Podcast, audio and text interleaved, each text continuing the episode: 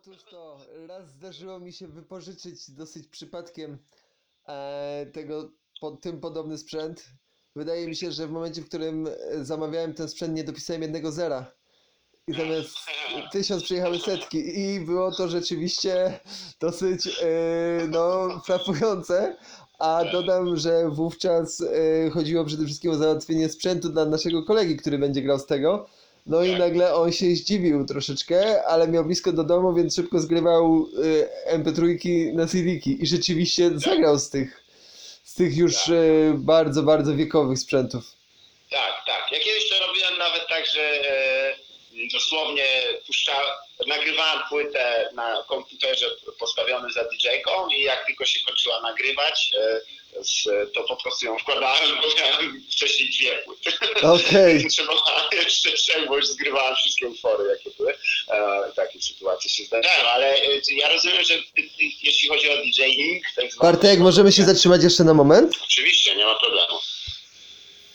Bo ogółem ja teraz nag no, nagrywam i ciebie i mnie, więc chyba to robię źle. Ale, Tak, tak. no, E, najlepiej dobra. będzie, jeżeli. Ale nie, nie, teraz- to nie.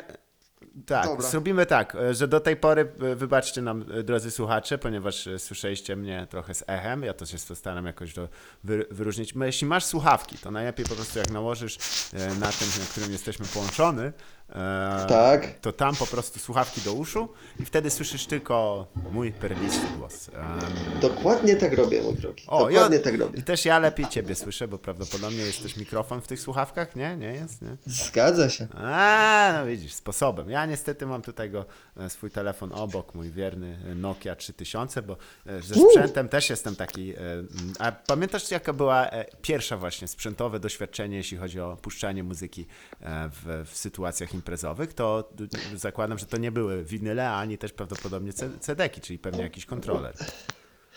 Y, jak przez mgłę, ale pamiętam i chyba musiałbym to datować gdzieś jakoś na końcówkę szkoły podstawowej. Mm, Robienie dyskoteki na szkolnym korytarzu na jedynym komputerze, który miał wówczas mm, wejście CD. Tak. E, należał on do e, chyba pedagog szkolnej, pani pedagogzki i mogliśmy do niego podłączyć e, nagłośnienie tak. i puszczać wszystko, co chcieliśmy i polegało to bardziej na tym, że no te dyskoteki były organizowane na, na zasadzie takiej to kto może coś puścić, no więc zbierało się nas dwóch, trzech, czasami więcej. E, No i graliśmy co tylko się dało. Oczywiście królem był e, Winamp, e, oczywiście Media Player także. tak. DJ Głównie Mike Lama, królowały tam, właśnie CD-ki. postać. Tak, tak. To był ten, który, który nagrał ten utwór, który był puszczany przy włączaniu samego Winampa, to wtedy był DJ Mike Lama i tyle lat. Yes, Mike Lama. tak, tak, więc to chyba są takie pierwsze y, przebłyski, e, zanim to gdzieś tam doszło do jakiegoś e, późniejszego etapu, e, jakiegoś grania bardziej mającego ręce i nogi, ale to już rzeczywiście e, no, etap zdecydowanie późniejszy, gdzieś końcówka liceum, początek studiów, coś w tym klimacie. I to też pewnie wirtualna forma, czyli raczej wysyp Tak, tak. MP3, tak? No to Tak, tak. No, przyznam się szczerze i mówię to. no, mówię to z y, mm, taką myślą, że mam jeszcze sporo do nadrobienia, ale chyba nie zdarzyło mi się jeszcze nigdy grać imprezy z płyt winylowych, z analogowego nośnika. Gdzieś tam jakieś luźne dżemowanie, granie jak najbardziej, ale żeby lecieć e, z e, winylami na imprezie, to jeszcze nie to. Aczkolwiek nie jestem antagonistą e, jednej czy drugiej strony. I bardziej jestem antagonistą konfliktu, który czasami się pojawia i który jest A. totalnie zbędny. Zgadza się. Tam jest, w jest, jest ta opinii. duża napinka czasami. A myślisz, że to Ogromnie. wynika z tego, że e, jednak e, ja jestem w stanie to zrozumieć, bo są jednak ludzie, którzy wiesz, zainwestowali potężne pieniądze w Pewnie. te nośniki, prawda? To jest e, tam jest tyle martwych dinozaurów po prostu w znaczeniu w- te płyty są dosłownie zrobione z ropy, która kiedyś była No właśnie. Tak. I nie chcesz potem e, e, przyjąć też do wiadomości, że informacja zapisana na tych y, płytach jest e, waży dokładnie. Jak najbardziej. To jest dosyć e, zabawne. Aczkolwiek znam, nawet w rodzinie toczę czasami dyskusje na ten temat. Tak, E, więc jest mi to doskonale znane. jasne. A jeśli chodzi o te wczesne takie e, próby, powiedzmy, lice, e, późnolicealne, wczesnostudenckie, to gdzie szukałeś muzyki do, do puszczania ich? e, Przyznam szczerze, że po znajomych. E, po prostu tak, e, po znajomych i wyglądało to w ten sposób, że zawsze pojawił się ktoś, kto grał jako pierwszy, e, kto pokazał um, jak się gra, może byś spróbował, to podaj, pokaż mi swoje traki, to ja może coś z tego ulepię. E, no i później, no nie oszukujmy się, było sporo e, pirackich mp3, sporo starych płyt gdzieś tam wynalezionych e, w domowych zakamarkach, które Tak. nadawały się do grania bo dziwo gdzieś w kolekcji przepasnej mojego ojczyma, gdzie jest sporo e, rarytasów Italo Disco, Eurodance'u, ale też i wczesnego house'u. Można było znaleźć tam parę perełek. e, No a już później im dalej, tym oczywiście to wszystko się troszeczkę bardziej profesjonalizowało. Zwłaszcza, że pamiętam taką rozmowę, którą odbyłem z, dwo- z moimi dwoma kolegami. e, Właśnie na temat e, legalności muzyki, z, którą, z której gramy. Tak. I była to rozmowa taka dosyć przełomowa, bo obiecaliśmy sobie wówczas, że e, nie będziemy grać już e, żadnych e, podejrzanych e, plików. Mm, E, czyli, I jeżeli po prostu będzie nam brakowało muzyki, to będziemy odzywać się do znajomych, którzy takową muzykę produkują i po prostu będziemy promować tym samym swoich ziomków. I Bardzo było to dobrze. bardzo, bym powiedział, e, no takie pozytywne myślenie, pozytywna postawa, z której chyba wtedy się, wtedy nie zdawaliśmy sobie sprawy, bo bardziej chodziło o to, żeby mieć z czego grać. Mhm, E, a dopiero później, kiedy już wiadomo, e, pojawiły się na to budżety, e, no to wiadomo, można było je spożytkować na zakup legalnej muzyki, co obecnie już jest dla mnie jedyną obok e, właśnie zdobywania muzyki, otrzymywania muzyki od znajomych, od artystów, drogą mm, pozyskiwania i poszerzania swoich zasobów. To tak, bo to jest rzecz, którą może e, nie wszyscy też rozumieją, e, bo zanim jeszcze przejdę do tematu, który mnie żywotnie interesuje, czyli dotyczący e, tego, jak artyści, artystki zarabiają ze swojej e, pasji, ze swojej muzyki w świecie cyfrowym, bo to jest absurdalnie ważna rzecz, o którą powielokroć może, kruszone są kopie, jak świat długi i szeroki, to jeszcze może na chwilę właśnie o tych antyczniejszych czasach, gdzie też wiesz, to mówimy o, o podobnych chyba cezurze czasowej, czyli gdzieś tak rok 2000, załóżmy od 7 wzwyż, prawda? Więc e, Dokładnie. mówimy, jeżeli była szansa e, skądś ogarnąć em, ogólnie muzykę w, zapisie cyfrowym, no to raczej nie były przesadnie legalne źródła zazwyczaj. Em, Absolutnie tak. I czy ty na przykład potrafisz czytać cyrylicę, bo to się przydawało. zawsze. Niestety nie, ale wiem o czym mówisz. Tak, tak. Ludzie zawsze się dziwili, jak tam wtykałeś właśnie USB sticka i się pojawiały jakieś krzaki tam, a co to jest? No to, no to tutaj akurat grażdanki nie mają zainstalowane na tej playerze, to nie wiedzą, że to jest upload by Misiek. Um, Dokładnie.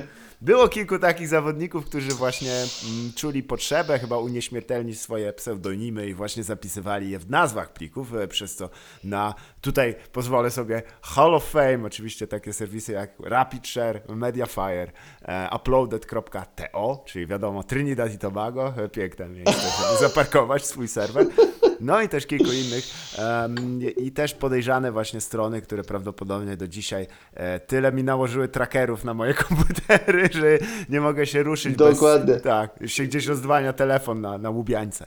Em, ale, ale ty mówisz o wymianie, bo czy korzystałeś może z takiego narzędzia, to też pojadę trochę oldschoolowo, jak SoulSeek. A, SoulSeek. E, nie korzystałem, ale doskonale znam. Tak, tak, tak. Mhm. To wokół tego co już pojawiła się taka proto, można powiedzieć, społeczność e, wymieniająca się e, tymi utworami. A czy ty uczestniczyłeś może w mm, e, takich, e, e, w życiu forum jakiegoś właśnie wymiany plików? Bo ja pamiętam, że... Zdecydowanie, no Tak. tutaj wiesz, y, wspomniałeś o Soulseeku i moje myśli od razu skierowały się w stronę e, serwisu Last.fm. Tak jest. I zdecydowanie. rzeczywiście tam e, myślę, że udzielają się dosyć sporo. Legendarny Shoutbox, e, na którym prowadzono dyskusje. Mhm. e, polemiki, gównoburze. Tak Wszystko w zasadzie się tam działo, włączając w to też jakieś e, próby podrywu. e, W zasadzie wiesz, na Tak, gościa, za- który zagajka, zna no tak, dokładnie. niszową muzykę. Słuchaj, może tego nie znasz, może ci się spodobać. Mamy podobny ranking i tak dalej, i tak Tak dalej. To wszystko tak. się działo absolutnie. No i tam rzeczywiście e, poznałem naprawdę sporo ludzi, z Mhm. którymi to przyjaźnie przetrwały do, do dziś. Tak. E, Ludzi, których poznałem w rzeczywistości, spotykając się z nimi na koncertach, na Mhm. festiwalach, w całej Polsce w sumie. I pamiętam doskonale e, wymianę, załóżmy, nagrań koncertowych tutaj Mhm. akurat. E, na przykład z występów z zespołu Muchy, Tak. y, którego byłem wówczas gigantycznym fanem, w sumie jestem do dzisiaj. Tak. E, no i bywałem na wielu, wielu ich koncertach. E, No i Michał Wiraszko i spółka mieli e, to do siebie, że lubili e, podczas swoich koncertów, a tu sobie zagrać na jakiś cover, a to Tak. coś. E, I czasami były to rzeczywiście incydentalne, jednorazowe e, sytuacje. No i parę takich perełek dzięki Last FM-owi udało mi się pozyskać albo komuś udostępnić, bo rzeczywiście dzisiaj Mhm. rozmawiamy w ogóle w e, 72 urodziny Andrzeja Zauchy. Tak. I pamiętam jak dziś, e, jak e, Michał Wiraszko rzucił ze sceny e, tekst, że właśnie wykonają cover e, piosenki, chyba najpiękniejszej polskiej piosenki, którą ktoś napisał dla kogoś. E, I wówczas jako nastolatek, nie znający kompletnie twórczości Zauchy, A myślałeś zapewne, że to będzie Ryszard Peja i e, tak bardzo chciałbym pierdolić ciebie, bo to jest... e, Ryszard Rynkowski. Nie masz, że... No właśnie, i wiesz, i oczywiście pozbawieni e, smartfonów, a tym samym e, rozwiązań typu Shazam i tak dalej, po prostu na drugi dzień, e, mając w głowie tekst tej piosenki, którą e, muchy wykonały, pytałem e, wszystkich w domu, czy kojarzą, co to było. No i rzeczywiście moja mama mi powiedziała, że to chyba Zaucha. No i, Tak. i miała rację. A, widzisz, taki pierwotny... Mama Shazam, można rzec. Shazamowa. Trochę tak. E, A czy miałeś jakieś też kontakty międzynarodowe? Bo ja pamiętam, że właśnie jednym z kluczy, e, za pomocą którą można było, no nie powiem, że poznawać, ale też troszeczkę śledzić ludzi e, w czasach e, Last FM-owych, było właśnie zajrzenie na jakiegoś tam wykonawcę, artystę czy artystkę i tam przejrzenie e, osoby, które najczęściej skroblują, to magiczne słowo musiało się pojawić. Mhm, tak, absolutnie. Tak, tak, czyli po prostu e, instalowałeś sobie e, szpiegujące narzędzie do swojego Winampa. Kolejne, absolutnie. To wszystko już się działo. No A i jak- tak, i rzeczywiście parę takich znajomości się udało zawiązać. No, masz rację, ale rzeczywiście, jeżeli chodzi o te zagraniczne, to raczej no, były to znajomości czysto las FM-owe. Tak. Raczej nie miały one e, przełożenia na jakąś inną płaszczyznę. To ja ci powiem mi jedną bardzo ludźmi. dziwną rzecz. Otóż miałem kiedyś okazję właśnie. Ja byłem e, mocno. Zresztą to był też wielki. Chyba pierwszy e, taki, e, jaki pamiętam, no, przypływ muzyki z Au- Australii, e, mniej więcej te lata. O! Em, takie zespoły jak the, the, the, chociaż The Presets, Grafton Primary czy Pnau dość mocno na mnie wtedy wpływały. Ja tego słuchałem pasjami, do dzisiaj zresztą jestem wielkim fanem e, pana Nika Littlemore, który później oczywiście Empire of the Sun e, jest jego em, dzieckiem. E, Zgadza taki, się. Taki mocno już popowy, prawda? Ale te pierwsze ich, ich utwory to była taka dosyć intensywna jazda, przyznam. Absolutnie. Pnau. W ogóle wydawało mi się przez moment, że oni byli troszeczkę ciekawszym MGMT. Tak. E, bo oni pojawili się krótko później. E, miałem okazję zobaczyć jednych i drugich na żywo i Empire of the Sun miażdżyło e, występem scenicznym e, MGMT. Aczkolwiek nie zapomnę, gdy puściłem, o, znów wracamy do przeszłości i do e, właśnie czasów chyba licealnych. Mhm. E, kiedy puściłem to w domu, mój ojczym wszedł do e, pokoju i rzucił tekstem, że w sumie brzmi to jak takie wasze nowe Modern Talking. A, no, No. jest to, jest to, tak. I ja Ha. oczywiście wielce oburzony, Tak. E, powiedziałem jak śmiesz e, i tak dalej, aczkolwiek po latach no rzeczywiście obawiam się, że nasze dzieci mogą spojrzeć na Empire of the Sun podobnie jak my patrzyliśmy na E, Modern Talking. Może. Na ile Może. Trzeba, trzeba by było e, tutaj jednocześnie taki komparatywny wywiad z e, rozbitym już teraz Modern Talking i ich dopytać, na, ile, tak. na ile świadomie tworzyli swoją, swoją muzykę, a na ile to były podmuchy białego pyłu z nad Alp. Wiesz co, masz absolutnie rację. Bo czasami patrzę na infantylność muzyki z tamtych czasów i zastanawiam się naprawdę, czy ta infantylność, ta taka przerysowana wrażliwość była czymś absolutnie naturalnym, czy może jednak był to celowy zabieg, bo naprawdę no trudno jest mi się osadzić w tym wszystkim, aczkolwiek no szły za tym tłumy. Tak, tak. Więc gdzieś te echa się odbijały i ja dlatego byłem zafascynowany muzyką z, wybacz, e, z antypodów, e, ponieważ to było troszeczkę Mhm. odmienne i takie dosyć eklektyczne. No i potem właśnie przez e, forum, czy shoutbox, forum, jak to powiedziałem z niemiecka, jak zespół Tic Tac Toe pytał się w słynnym utworze, ale kwestia jest, że mm, ja tam trochę dużo działałem i za jakiś czas później na łamach takiego mini magazynu, który założyliśmy, e, właśnie opisywałem epkę jednego z takich australijskich zespołów, po czym okazało się, że nie dość, że australijski zespół jest w połowie złożony z Polaka, e, który napisał do okej. mnie, potem się okazało, że się znamy e, dodatkowo właśnie z shoutboxu tutaj zespołu Pnał, także No proszę. bardzo to jest dziwne połączenie, ale ja wiem, że takich koneksji miałeś sporo w ramach też swojej kariery właśnie takiego dziennikarza, dzisiaj to byśmy nazwali społecznego, ale to wtedy wówczas oznaczało e, raczej dziennikarza, który po prostu angażuje się w e, tworzenie e, wywiadów, rozmów, artykułów, recenzji muzycznych, raczej nie ze względu, że dostał zlecenie od pana Rogowieckiego, że też wygrzebie taką postać, tylko raczej z własnej pasji, prawda? Czyli em, to, czy to, to się zgrało mniej więcej ta fascynacja muzyczna wówczas też z, z e, chęcią opisywania muzyki? Wiesz co?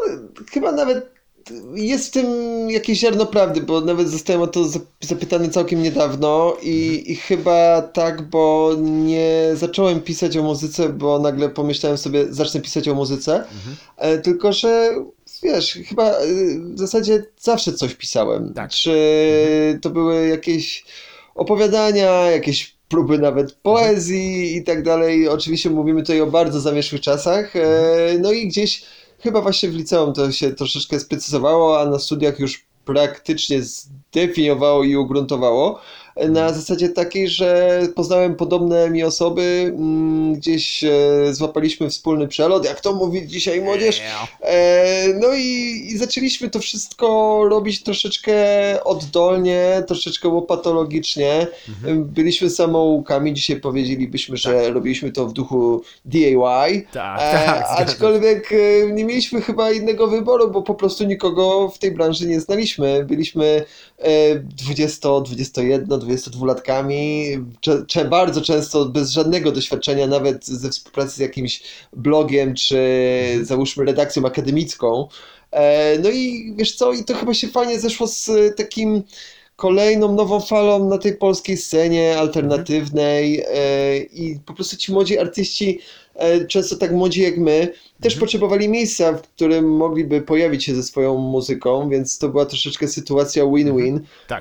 Nierzadko po prostu udało nam się gdzieś takie zespoły odkryć, wypromować, e, potem obserwować, jak to wszystko rośnie. E, Z kolei no, dla nas to było miłe, bo mieliśmy w tamtych czasach, dzisiaj no, jest to troszeczkę inaczej, e, może nie taką rolę, wiesz, trendsetterów, ale rzeczywiście wydaje mi się, że ludzie wówczas bardziej niż dziś polegali na opinii e, pana lub pani z internetu. Tak. E, wi- mówimy przecież o czasach e, przed, sprzed e, serwisów streamingowych, czyli sprzed e, czasu, kiedy algorytm po, podpowiadał z dużą Dokładnie, tak. precyzją, e, czego chcesz e, lub, lub będziesz słuchał za chwilę. Mhm. E, no i rzeczywiście, i rzeczywiście te koneksje wówczas bardzo się szybko rozwinęły wśród ludzi, którzy no, dzisiaj już są, mają ugruntowaną pozycję w branży, są poważanymi artystami, em, osobami, które prowadzą swoje biznesy, czy to wytwórnia, czy to agencja, management,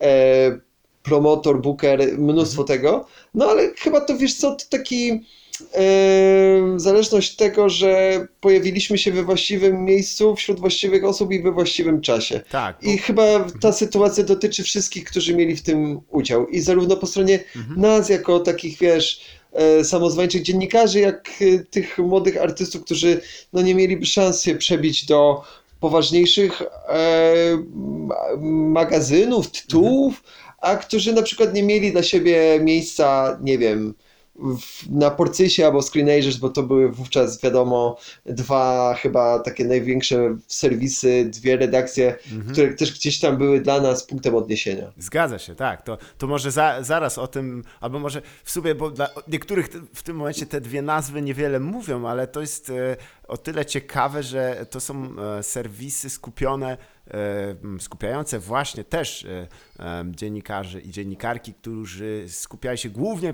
wokół muzyki tak zwanej indie, jakkolwiek byśmy to nazwali. A, To tak, jest tak jest. bardzo, e, bardzo pojemne określenie. Dość powiedzieć, że e, na tyle pojemne, że pan Ariel Pink szturmował Kapitol niedawno. To mi się bardzo podoba. Absolutnie. Tak, klasyka. Ale kwestia jest taka, że no, ten koncept to jest. E, warto wytłumaczyć też na cezurze czasowej. A mi się zdaje, że e, wiesz, to są jeszcze momenty, w których e, z jednej strony już e, rozwinął się e, potencjał, jaki miał w sobie ruch e, tego internetu, tych mediów spo- społecznych, a także mm, szanse, jakie daje udostępnianie swojej własnej muzyki, a z drugiej strony jeszcze tradycyjne media, jeśli je tak nazwiemy, a przede wszystkim tradycyjni majorsi, jeszcze się nie połapali w tym w 100%, więc były tam Absolutna zgoda. okres niewinności, który jeszcze można było gdzieś tę komunikację obliczoną na to, by em, no, przede wszystkim e, za pomocą muzyki i tego, co się ma do powiedzenia nią, e, się przebić do osób zainteresowanych podobnie, a nie było tam jakichś pustych garniturów, które po prostu podliczają o, ten gościu i ten styl będzie dobry, bo tak nam powiedziała grupa fokusowa e, złożona ze zblazowanych nastolatków. Em, Zupełnie się zgadzam. więc gdzieś możliwe rzeczywiście, że na tym przecięciu można było jeszcze, e, co zresztą chyba, e, ale to tak, żebyśmy też nie dziadowali 100%, e, na przykład tobie się zdarza teraz w ramach pisania, czy też e, nawet organizowania imprez e, kontaktować z, z e, ludźmi e, właśnie zajmującymi się muzyką. Czy uważasz, że ten kontakt jest trudniejszy, łatwiejszy niż kiedyś? E, Wydaje mi się, że jest łatwiejsze, że jednak e, jest to środowisko, kiedyś wydawało mi się, że jest to środowisko bardzo hermetyczne. Tak. Dzisiaj uważam zupełnie inaczej. Może rzeczywiście no, chyba wszystko rozbija się o to, żeby mieć odwagę wejść do tego środowiska, albo mieć osobę, która nas do tego środowiska wprowadzi. Zdecydowanie trudniej jest z tego środowiska wyjść. I to widzę po przykładach osób, które e, załóżmy pracowały w branży muzycznej parę lat, a później starały się, uwaga, znaleźć normalną pracę, jak to często omawiali nasi rodzice Tak albo znajomi. E, no i z czasem nierzadko te osoby wracały. E, może w innej roli, ale, ale bardzo często wracały. E, no i tak, i dzisiaj rzeczywiście to kontaktowanie się jest o wiele łatwiejsze, co też e, staram się przekazać e, zresztą tym właśnie początkującym osobom, czy to muzykom, czy to dziennikarzom, blogerom, bo kiedy na przykład pojawia się artysta, który prześle mi płytę, epkę, która mi się naprawdę spodoba i potem pisze, że słuchaj, fajnie, ale no to powiedz mi, jak się skontaktować z tymi i z tamtymi. Tak jak wspomniałeś, no mamy e, serwisy społecznościowe i jednak duża, lwia część odbywa się tam, jeżeli chodzi o kontakty. I dzisiaj myślę, że żaden dziennikarz nawet e, z 20-30-letnim stażem nie obrazi się na to, że ktoś do niego napisze cześć, słuchaj, to jest moja epka i taka wiadomość wpadnie mu do folderu inne. E, już nie wspominając już e, zupełnie o wiadomościach mailowych, no dzisiaj raczej do lamusa odchodzi wysyłka pocztowa, żeby rozsyłać tak. E, rzeczywiście fizyczne e, egzemplarze płyt czy to epek, ale naprawdę to się wszystko bardzo mocno przybliżyło. E, I tak chyba zacieśniło, co jest też e, w porządku, bo wydaje mi się, że troszeczkę też dziennikarze albo osoby po prostu zajmujące się opiniowaniem mu, e, muzyki musiały zejść na ziemię, że Tak. nie mają już takiej mocy sprawczej i takiej roli jak parę lat wcześniej. I dzisiaj taki mm, pan redaktor czy pani redaktorka nie mogą zadrzeć nosa ku niebu i mieć gdzieś co się do nich pisze na Facebooku czy na mailu, bo to jest jednak część ich pracy, żeby odkrywać to wszystko, bo jeżeli oni nie będą odkrywać sami, to będzie to odkrywał algorytm Tak. i cały czas e, ta praca dziennikarska będzie umniejszana, umniejszana, bo umówmy się, no cały czas rozmawiamy jednak o profesji, e, która odchodzi do lamusa, bo Mhm. Tak, już się tak. tam znalazła. E, z własnej winy, nie? To zawsze Zgadza będę się, tak. podkreślał, że to nie jest wina pędzącego świata, to jest raczej wina tego, że za tym światem ktoś nie, nie nadążył. Zgadza się. Tutaj, tutaj 100% racji, że jednak mimo wszystko e, muzyka będąc częścią społeczeństwa i to częścią tą taką wrażliwą, e, również, również się zmienia. Zmienia się wszystko wokół e, niej, Mhm. wszystko w niej, więc zadaniem osoby, która się chce zajmować muzyką w sposób zawodowy jest zmieniać się razem z nią albo przynajmniej dostosowywać siebie do niej. E, w takim oczywiście e, Tak. zakresie, jak się potrafi, albo jak się chce. Ale e, kwestia jest, że to tylko zanim przejdę do tej formy Mhm. takiej wirtualnej, bo ty też masz za sobą, jak się to mawia czasem w języku angielskim, stint w radiu, w, tra, w medium tradycyjnym, czyli w radiu i to w moim tak. ulubionym radiu poznańskim, czyli Radiu Afera.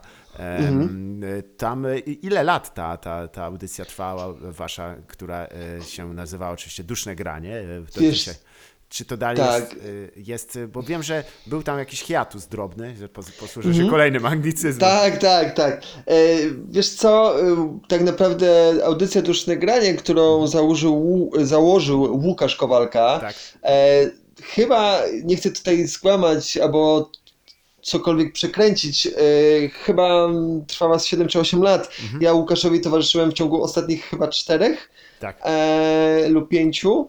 I tak naprawdę, owszem, spotykaliśmy się w tradycyjnym radiu, które było mm, e, po prostu e, emitowane w eterze e, na falach radiowych e, i, to rzeczywiście nadawało nam takiego tradycyjnego wymiaru, aczkolwiek no, zdecydowana większość słuchaczy słuchała nas online. E, no i, i masz rację, no gdzieś myślę, że nawet nie hiatus, ale doszliśmy do momentu, w którym audycja nam przestała wystarczać i tak naprawdę zauważyliśmy, że pod e, szyldem Duszne Granie robimy o wiele więcej rzeczy, Mhm. z czego sobie wcześniej chyba nie zdawaliśmy sprawy. Tak. Bo czasami po prostu braliśmy tą naszą nazwę jako nazwę, którą chcemy się posługiwać, żeby nie szukać innej, a Tak. tak naprawdę udało nam się stworzyć wielopoziomowy projekt, który prócz prowadzenia audycji, jakiejś takiej narracji na temat muzyki, odkrywania jej i tak dalej, komentowania, e, organizował też imprezy, grał na tych imprezach, udzielał się też w innym wymiarze, bo i ja i Łukasz mamy za sobą jakieś takie, wiesz, występy na jakichś warsztatach, konferencjach Tak. yy, i tego typu podobnych wydarzeniach.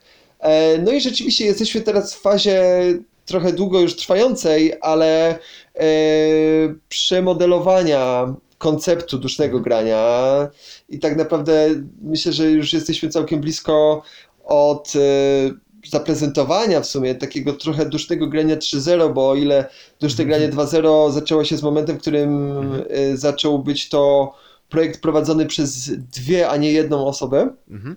e, to teraz wydaje mi się, że rzeczywiście duszne granie doczeka się takiego z jednej strony trochę rebrandingu, Mhm. ale zdecydowanie takiego upgrade'u. Jezu, te anglicyzmy. E, Mm. No, no, jest- i rzeczywiście Gotowi jesteśmy, żeby tam pójść do, do Emi Polska i siemano chłopaki. Dokładnie. Najpierw się napijmy kombuczy, a potem pogadamy.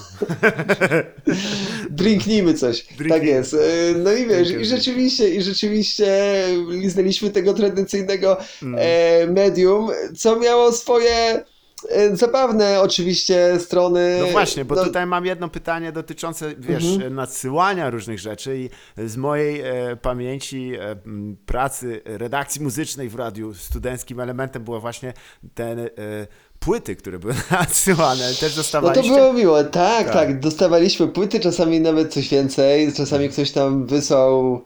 To głównie Łukaszowi, bo wszyscy wiedzą, Tak. jakim jest fanem e, mody, zwłaszcza takiej mody bardzo mocno identyfikującej się ze światem muzyki, więc e, czasami jakiś merczyk się pojawił. Mhm. Tak. E, no więc owszem, otrzymywaliśmy te płyty, aczkolwiek umówmy się, nasza obecność w radiu, nasza rola w radiu, em, jak gdyby ograniczała się jedynie do prowadzenia audycji. E, Tak. Nie byliśmy tak naprawdę takimi etatowymi członkami Zgadza się. zespołu redakcyjnego. Więc nie E, dostawaliście też jakby okazji, żeby wrzucić tam przesadnie swoje utwory do rotacji, a to jest tak jakby... To też prawda, tak, tak, tak, tak, tak. Ale, Ale, czy chyba... Mhm. dostawaliście, tylko chciałem dopytać, jakiegoś miał powiedzieć jakiś takich najbardziej, bo, bo są, są tak zwani wykręci, nie? Czyli ludzie, którzy, jak ich wyrzucisz drzwiami i to wchodzą oknami, Tak, jak ich wyrzucisz tak. oknami, to się wciskają przez komin. I e, pytanie, czy też mieliście w, dość, swoich doświadczeniach kogoś, kto konsekwentnie nadsyłał rzeczy, mimo... Zdecydowanie tak. Wydaje mi się, że każdy dziennikarz ma taką czarną listę. Mhm. I ze swojego doświadczenia powiem, że ja taką listę także mam. Jasne. Eee, I e, staram się rozmawiać z tymi ludźmi i być otwartym na wszystko, co podsyłają, z tym, że problem polega na tym, że często są to artyści bądź ludzie, którzy na przykład, z którymi był fajny start. Załóżmy, otrzymałem, dajmy na to, 7-8 lat temu epkę, Tak. która mi się strasznie spodobała i postanowiłem o tym napisać. Opublikowałem tekst, na przykład zagrałem ten utwór w radiu Tak. i wszystko było ok. Z tym, że każde kolejne wydawnictwo tego artysty, dajmy na to, no już nie podobało mi się tak jak wcześniej. I nie chciałem temu artyście robić krzywdy, bo wychodzę z założenia, że nie lubię pisać o muzyce źle. Mhm. Zbyt wiele tego widziałem, słyszałem, jak byłem troszeczkę młodszy i stwierdziłem, że tak postępował nie będę, Mhm. e, bo to nikomu nic nie daje. Ja tracę czas, e, czas traci e, czytelnik bądź słuchacz na coś, czego ja po prostu nie polecam Mhm. I, i od czego staram się go chyba bardziej uchronić. To bardzo Ale dyplomatycznie to wszystko ująłeś, czy z nami Masz też nie, rację. nie będę cię namawiał też, żebyś tam mówił. e, Nie tylko, będę, Ale czy ale jesteś w stanie to tylko powiem- tak, tak, Tak, to powiem tylko- taki, tak, przykład. Tak, to powiem, że był taki artysta, od którego, e, z którym właśnie dokładnie tak się zaczęła przygoda. Pojawiła się epka, epka była całkiem fajna, em, napisałem o tym tekst, e, coś się wokół tego artysty zadziało, e, a następnie no, kolejne lata otrzymywałem od tego artysty kolejne materiały na zasadzie Hubert, weź posłuchaj, daj znać co sądzisz, no i Aha. Dawałem swoje, dzieliłem się swoim zdaniem, bo jeżeli ktoś mnie o to prosi, to jednak no, zasługuje na, na szczerość. I mówiłem, pisałem, że no słuchaj, no, to nie jest coś, co by mi się podobało, no ja o tym no nie napiszę, ale to jest moja subiektywna ocena, y, idź z tym dalej, może komuś to podeślij, może komuś to ja podeślę, może komuś to się spodoba. No i trochę to trwało i chyba po czterech czy pięciu takich nieudanych próbach e, podejścia do mnie y, otrzymałem od tego artystę e, paczkę do domu, e, w którym był sześciopak e, napoju alkoholowego, Mm, w środku z wetkniętą w środek płytą. okej. I żeby było zabawniej, to była to absolutnie najgorsza płyta, jaką otrzymałem od tego artysty. I od tamtego czasu kontakt się urwał. Delikatnie mówiąc. Jak się skończył, na jakiej wysokiej nucie, to trzeba przyznać. Że... E, prawda? E, Tak. Dodam tylko, że zacząłem odsłuch e, tej płyty przed spożyciem nadesłanych Aha. trunków. No i niestety po odsłuchu te trunki były bardzo wskazane. No Uśmierzyć powiem- ból. Tak, tutaj chyba prawdopodobnie też droga, bym powiedział, muzyczna trochę ci pomogła w tym, e, żeby uniknąć największych kwiatków, bo gdybyś się zajmował wyłącznie na przykład hip-hopem polskim, to myślę, że byś miał kilka kwiatków Mhm. jeszcze bardziej e, e, pełnych kolców i, i, i, e, i z dymem, bo, bo ja, ja pamiętam jak dzisiaj mieliśmy kiedyś, no straszną mieliśmy uciechę z pewnego mixtape'u, który, który do Mhm. nas przyszedł e, i Okej. mixtape był w całości nagrany na, no oczywiście nie na swoich bitach, ale no jest jednak różnica między nagrywaniem na czymś, co nam się podoba, a nagrywaniem na obowiązkowym zestawie, czyli skills. e, Absolutnie. tak, wiadomo. I też mój ulubiony fragment to był, gdy ktoś, e, e, wiem kto, ale nie będę o tym mówił, e, po prostu nagrał swój utwór e, na X Gonna Give It To Ya, e, DMX-a, więc e, to jest, O, to jest niecodzienny dobór i, jest, O. i ryby były dostosowane, a e, nazwa O. samego mixtape'u i ja tutaj się nigdy nie kryguję, była taka, że ja nie jestem w stanie tego powiedzieć na głos, bo to obraża no, dużo różnych osób. o mamo. Nieźle. Także takie rzeczy się zdarzają, a teraz chyba troszeczkę mniej, prawda? Gdyż mm, Właściwie jedyne, co się dostaje, to się takiego, dostajesz linka, nie? Klikniesz, e, To przenosi prawda. cię na e, właśnie stronę wewnętrzną Mhm. i, i gdzieś tam e, pojawia się zazwyczaj e, opcja odsłuchania tego całego materiału, co też jest przyjemne, bo praktycznie to zajmuje nam e, chwilę. Kiedyś zaś rzeczywiście to trzeba by było no, fizycznie zainwestować w płytkę, ją wypalić, posłać komuś, to jest robota. Ale czy nie sądzisz, że przez to też przez to, że to trochę jak z fotografią, że w momencie, kiedy jesteś w stanie zrobić 90 tysięcy zdjęć, to ta zdolność, która polega na tym, że em, jesteś w stanie uchwycić ten jeden kadr, zaczyna e, niektórym umykać. E, czy to nie jest też tak, że jest nadprodukcja trochę muzyki obecnie ze względu na dostępność też na form produkcji e, właśnie m, takich utworów? Zdecydowanie tak, zdecydowanie tak. I to jest pytanie, które bardzo często się pojawia Mhm. w rozmowach, czy te czasy obecne są dobre czy złe dla muzyków, zwłaszcza dla muzyków Tak. właśnie takich w duchu do it yourself, Mhm. którzy tworzą e, w sypialni czy we własnym pokoju i, Mhm. i rzeczywiście ta nadprodukcja jest gigantyczna i e, mamy ten problem, że znaczy największy problem mają słuchacze, wydaje mi się, Mhm. ponieważ e, sposoby, za pomocą których dzisiaj konsumujemy muzykę, Mhm. e, no, są jakoś mniej lub bardziej e, dyktaturą algorytmów. I nas to z jednej strony cieszy, bo otrzymujemy muzykę, która nam się podoba, Tak. ale z drugiej gdzieś e, zamykamy się w pewnej bańce, z której jest trudno wyjść, żeby znaleźć cokolwiek innego. Mhm. I kiedyś e, te.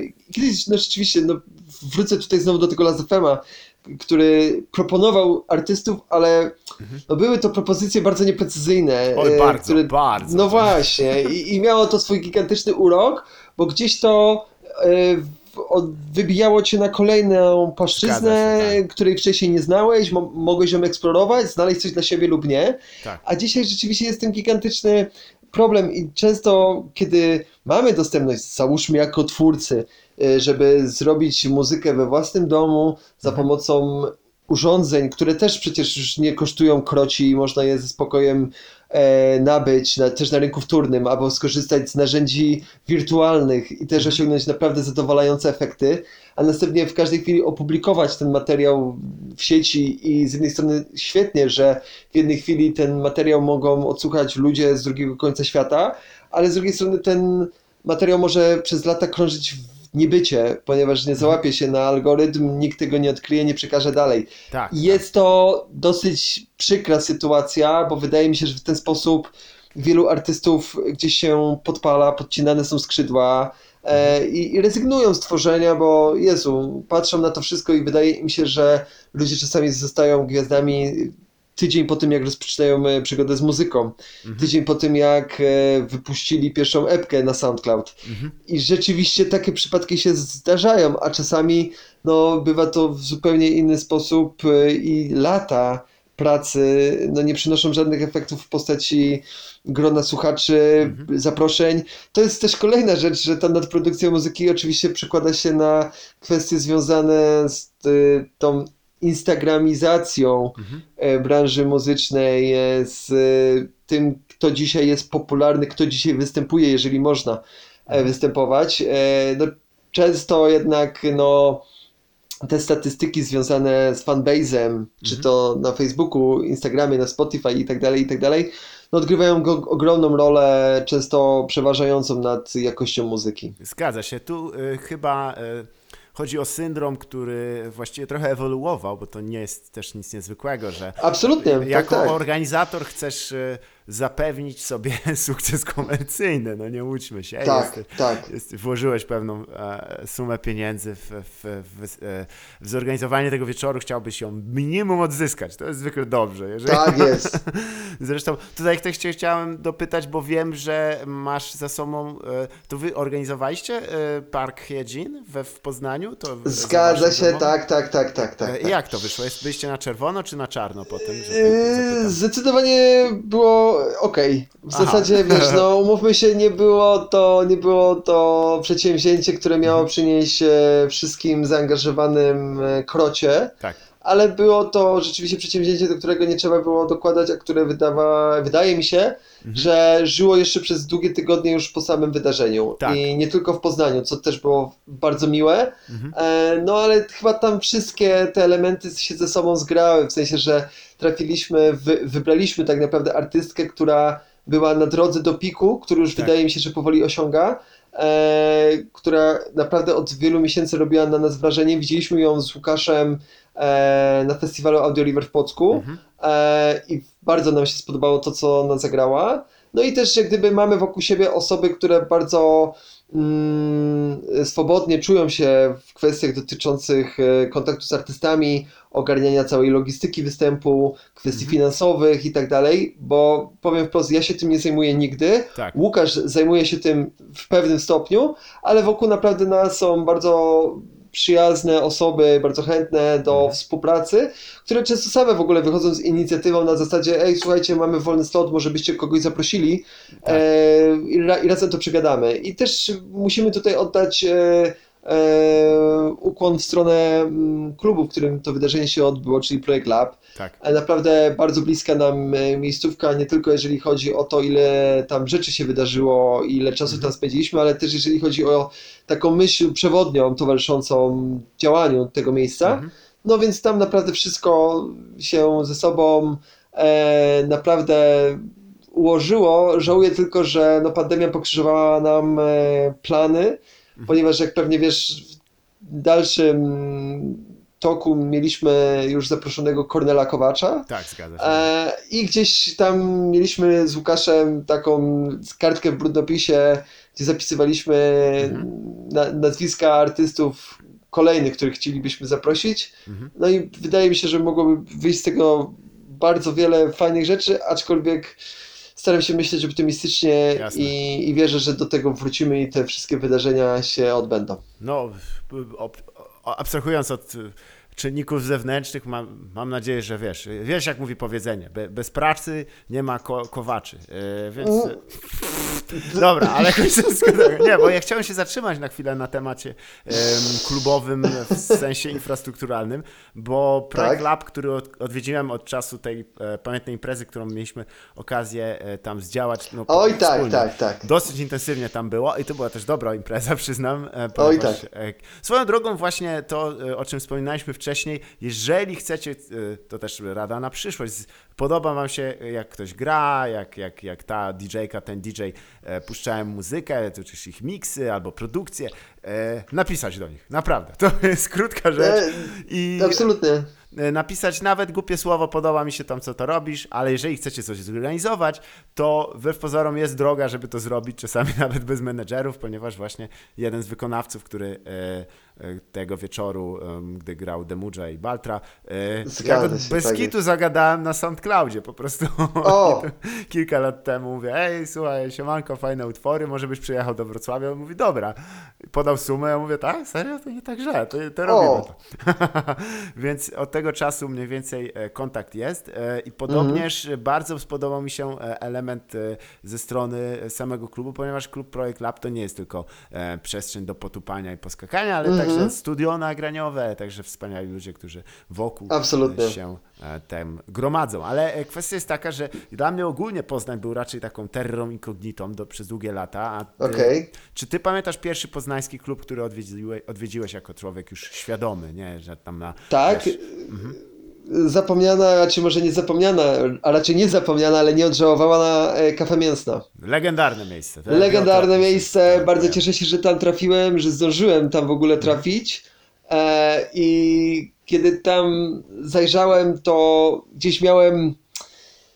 Wiesz, to też były takie czasy chyba takiej e, bardzo wesołej brytyjskiej i nie tylko brytyjskiej elektroniki. Zgadza się, E, spod znaku takiego troszeczkę indie electronic. Tak, E, tak. Mówię tutaj o zespołach typu Digitalism, e, typu Mhm. Justice, e, wczesne i tak dalej. E, Ja Taka właśnie proto-hipsterska muzyka taka. Absolutnie tak. I właśnie w takich czasach e, trafiłem do kafe mięsne i nie mogłem uwierzyć, że takie miejsce jest Mhm. w Poznaniu, bo przypominało mi to właśnie takie miejsca, jakie może są w Londynie, może są Mhm. w Manchesterze, a przy czym no, mówimy o miejscu, które dzisiaj byśmy no w ogóle no, no nie nazwali klubem, Tak, e, tylko było raczej to taką klubo-kawiarnią, tak, tak. e, gdzie rzeczywiście działo się tak naprawdę wszystko i, i bardzo, bardzo się cieszę, że tam trafiłem. E, bardzo też ubolewam, że tego miejsca już nie ma. E, no a chwilę później już rzeczywiście był chyba taki rozkwit na klubowej mapie Poznania, bo tych e, miejsc się pojawiło bardzo dużo.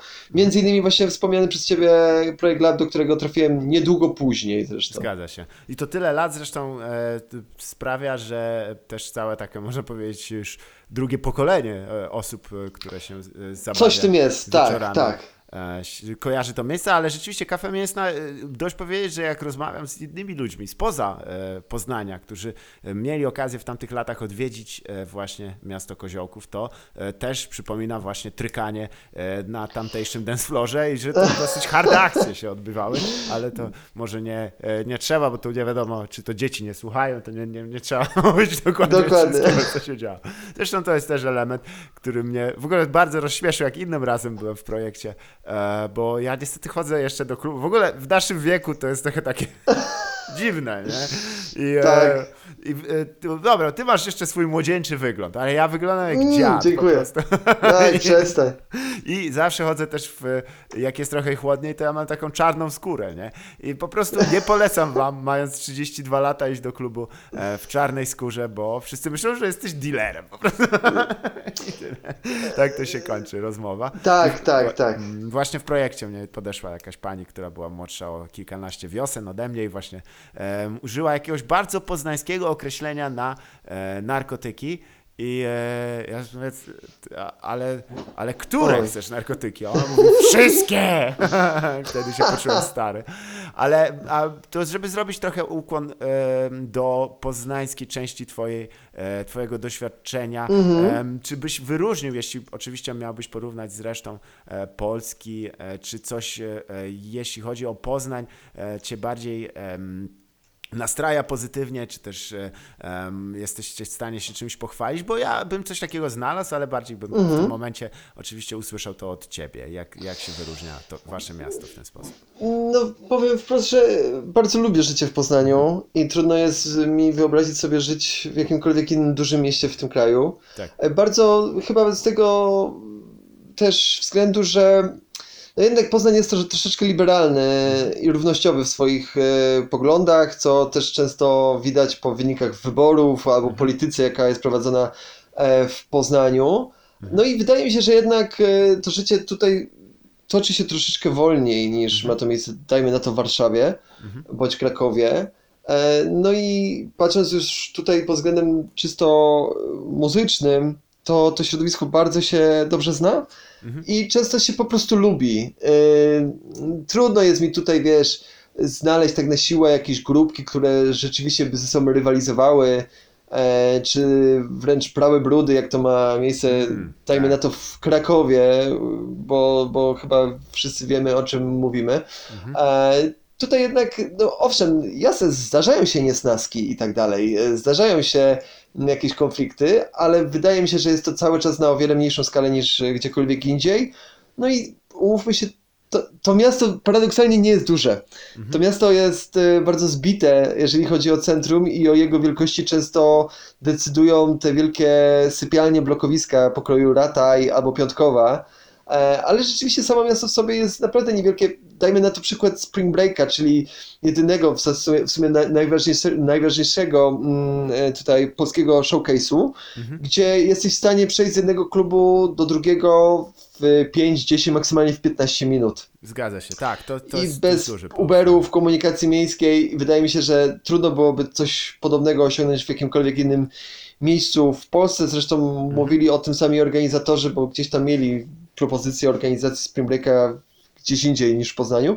Mhm. Y, No i, i tak, i, i Poznań chyba wydaje mi się, że jest takim trochę slow, slow city w pewien Tak, sposób, tak. bo jednak tutaj e, też bliskość do mm, tych wszystkich terenów zielonych, parę przecież jezior jest w sumie niedalekiej odległości od centrum miasta, e, gdzie ludzie lubią po prostu wybyć, y, się trochę wychillować. No naprawdę wydaje mi się, że z dużych miast jest to miasto zdecydowanie chyba najwolniej Mhm. płynące, ale w takim pozytywnym sensie. Co nie, Tak. zna, co nie znaczy, że wolno się rozwijające, bo rozwija się bardzo dynamicznie. Nie, jest, jest też dużo inicjatyw, też i tutaj wyróżniłbym waszą. e, Też e, e, ja najbardziej mi się spodobało też to połączenie dobrze zaplanowanej infrastruktury z oczywistych względów, em, ponieważ jest to miasto, które jest ogólnie, jeśli chodzi o centrum, tak nie jest też ściśnięte i tak stłoczone jak miejscami Tak. Wrocław, a z drugiej strony masz też bardzo e, ciekawe kluby po prostu, bo i sama Tama i, i e, wspomniany właśnie projekt, e, Bunkier e, też jest przecież miejscem, które zasługuje na wyróżnienie. Jest, no on jest przede wszystkim Mówisz tutaj o szalo- schronie. Skronie, przepraszam, jest Tak. szalonym miejscem po prostu. Tak. Gdy się tam wchodzi, to przyznam, że jest to dla słabszych klubowiczów dysonans poznawczy, ale takich bardziej doświadczonych to tylko kiwanie głową i tak, aha, Aha, tak. aha, tak. czyli to. Więc też e, house szkolna, e, też miejsce Mhm. bardzo, bardzo e, eleganckie. I ja oczywiście chciałbym tutaj już w mniejszym stopniu e, e, kluby, ale bardziej bary. Tutaj wielkie pozdrowienia dla Dragona i ekipy z Kuźni. Oj tak. To jest jedno z moich ulubionych miejsc w Poznaniu. Jest tam karaoke, oczywiście na życzenie. Pozdrowienia dla, dla ekipy z baru, są wspaniałe. Ale mamy, bo oczywiście troszeczkę skaczemy też wokół tematu, że to wszystko są trochę wspomnienia mm, i projekcje, bo jednak jesteśmy w sytuacji em, e, pandemicznej, w której e, wszelkie spotkania e, w takim formacie, no najbliższej przyszłości zdają się dość poważnie zagrożone. Ja, a jak ty uważasz, Prawda. czy, czy jest jakaś szansa, żeby ten duch clubbingu jakoś zachować, przynajmniej w formie no, bezpiecznej, w znaczeniu takim, by nie narażać ludzi? Czy jest to do zrobienia, czy to raczej szukajmy już teraz alternatyw? Wydaje mi się, że to wszystko jednak wróci. Miałem podobne przemyślenia e, jeszcze parę miesięcy temu, ale widzę gigantyczną tęsknotę e, za spotkaniami, za imprezami e, i wierzę, że to rzeczywiście, jeżeli wróci, to wróci jednak w podobnej formie. E, Podam tutaj taki przykład e, z zupełnie innego końca świata, bo nowej, z Nowej Zelandii. Tak, W Nowej Zelandii festiwale, imprezy, kluby już wróciły do funkcjonowania. I wszystkie mają się bardzo dobrze, ponieważ wszyscy wrócili tłumnie, żeby móc się bawić. I owszem, oni mieli możliwość jak gdyby otwarcia tego jak gdyby za z pomocą półśrodków, w zasadzie wiesz, jakiś dystans społeczny i tak dalej, i tak dalej. Woleli jednak e, przeczekać jeszcze kilka tych miesięcy dłużej, by móc wrócić w możliwie formie najbardziej zbliżonej do tej e, sprzed pandemii. Co prawda mówimy o kraju, który sobie najlepiej e, Tak, poradził tak. z e, wszystkimi e, tutaj falami pandemii, a w zasadzie z jedną falą, bo tak naprawdę druga u nich w zasadzie nie wystąpiła.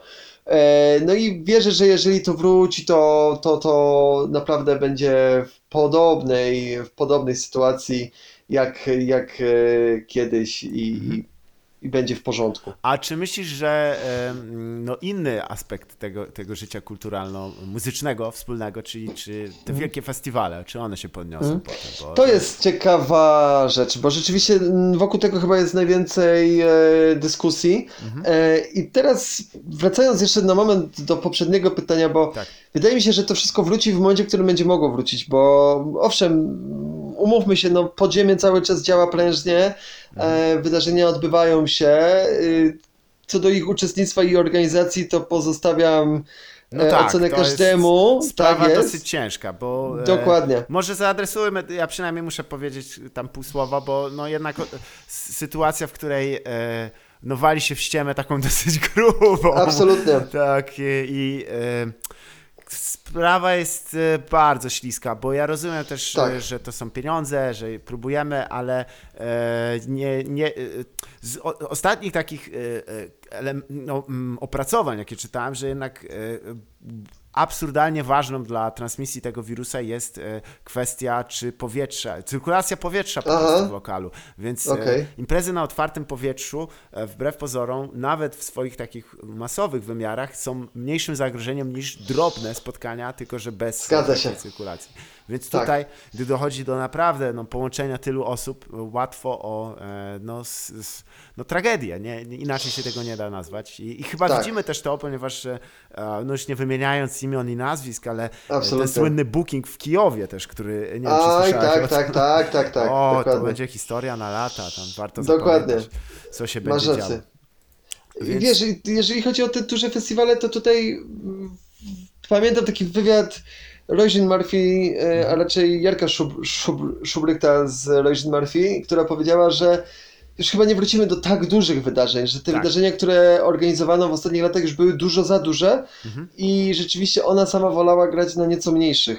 Mhm. E, I ja też mam takie poczucie, że rzeczywiście skala tych wydarzeń chyba troszeczkę przekroczyła już e, pewną przyzwoitość, bo fajnie, że jest pięć scen, jasne, nie ma problemu, ale i fajnie, że przyjeżdża tam 10 tysięcy ludzi, Tak. no ale chyba coraz mniej w tym wszystkim chodzi o muzykę, bo coraz trudniej jest tą muzykę na tym gigantycznym polu festiwalowym znaleźć po prostu Tak, i się na tak. niej skupić. E, No więc No, Myślę, że to- wróci, ale rzeczywiście w mniejszej skali.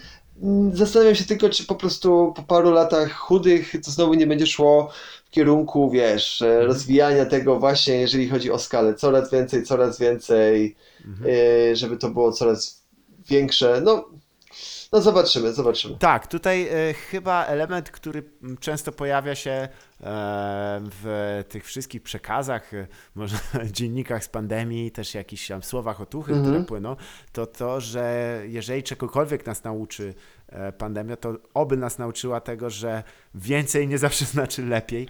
E, Tak. Tak, więc e, jeżeli zgadzamy się za to, żeby zapłacić, e, załóżmy 500 zł za karnet na trzydniowy festiwal, Mhm. gdzie spędzimy większość czasu w kolejkach e, lub też pozując do zdjęć, jak Absolutna zgoda, festiwalu. dokładnie tak. Dużo nam to nie da. E, Czy myślisz, że mm, jest jakaś nauka w tym, że jednak e, nie tyle nawet mniej, ale może by się bardziej zainteresować, co jest wokół nas? No bo widzisz, tak z, Mhm. z szczypka głowy, ja nie jestem przesadnie tam często w Poznaniu, ale Mhm. e, z- jakoś mi się udało tam złożyć kilka miejsc, które warto odwiedzić, więc e, czy myślisz, że e, coś, co było w sumie zawsze postulowane przy e, jakikolwiek otworzeniu kluby, bo się mówiło nowe miejsce na klubowej mapie Polski. Czy może Absolutnie. udałoby się, żeby tą klubową mapę Polski jakoś e, wydrukować w końcu i e, w jakimś formacie, żeby zobaczyć, co jest wokół nas, Mhm. bo, bo czasem... Tak. tak, bo Czy twoim zdaniem to będzie szansa na miejsca lokalne e, dzięki temu? e, Bardzo chciałbym, bo takich miejsc parę jest, przynajmniej w Poznaniu. Są kluby, które w zasadzie w 100% swój line-up e, opierały na lokalnych graczach, ewentualnie zapraszając raz na miesiąc kogoś z innego miasta w Polsce, Tak. może raz na kwartał kogoś z zagranicy. Tak. E, I takich miejsc e, rzeczywiście brakuje, wydaje mi się. E, Bo Tak. często, wiesz, obracamy się Bartek w podobnym gronie i e, znamy osoby, które rzeczywiście działają w podobnej, e, w podobnym duchu, w podobnej filozofii.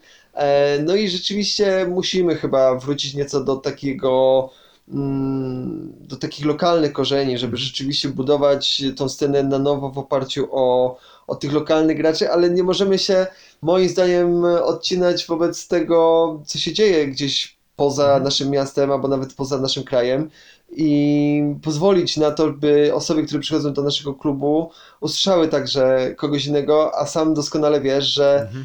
ja na przykład na wspomnianej przez Ciebie imprezie z Demudżą i Baltrą Mhm. doświadczyłem chyba jednego z najlepszych setów, jakie zobaczyłem na żywo, który bardzo dużo zmienił w mojej głowie, jeżeli chodzi o podejście do grania muzyki, do prezentowania jej. Dziękuję, nie E, ma problemu. Dzięki Bartek, absolutnie. No ja E, wiem, ja i- nie byłem najlepszy tam, ale myślę, że starałem się coś przekazać. nie, nie, ja nawet nie pamiętam, byłem tak zestresowany, słuchaj, tym wszystkim, że ja tylko, żeby tylko zejść, doklepać do siebie. Ale chodzi ci o, o Baltrę, czy o kogoś e, z Grajew? E, Baltry już widziałem kilkukrotnie, ale po raz pierwszy zdarzyło mi się zobaczyć Demudże i Tak. E, ja byłem naprawdę zachwycony sposobem, w jaki on grał, w jaki e, jego zachowaniem, tym wszystkim, co tak naprawdę, a przede wszystkim czuciem publiki i bardzo zdarz, rzadko się zdarza, żeby pierwsze rzędy pod opuku- okupowali inni DJ-e. Tak, A tak. Widziałem wokół siebie mnóstwo znajomych, koleżanek i kolegów, którzy zazwyczaj w weekendy grają, a którzy naprawdę przyszli, zobaczyli kogoś, kto może ich czegoś nauczyć, pokazać im coś naprawdę więcej, bo bardzo mamy wielu doskonałych DJ-ów, e, producentów, absolutnie tak, ale wydaje mi się, że cały czas się tego wszystkiego uczymy i nie możemy sobie ograniczać możliwości nauki od osób spoza naszego kraju, spoza naszego kręgu. No więc e, jaka nauka z tego? No, mam nadzieję, że niedługo e, twoja rezydencja w e, kościańskim klubie Gotham, bo, o którym wspomniałeś O, podczas matko! poprzedniej rozmowy, ale bym był bardzo zainteresowany, gdyby się udało to złożyć, co by się też tam wyprawiało, bo Kościan znam osobiście tylko z jednej krótkiej wizyty, ale właśnie o tym chciałem też wspomnieć, bo my mówimy o wielkich miastach, o, o Tak.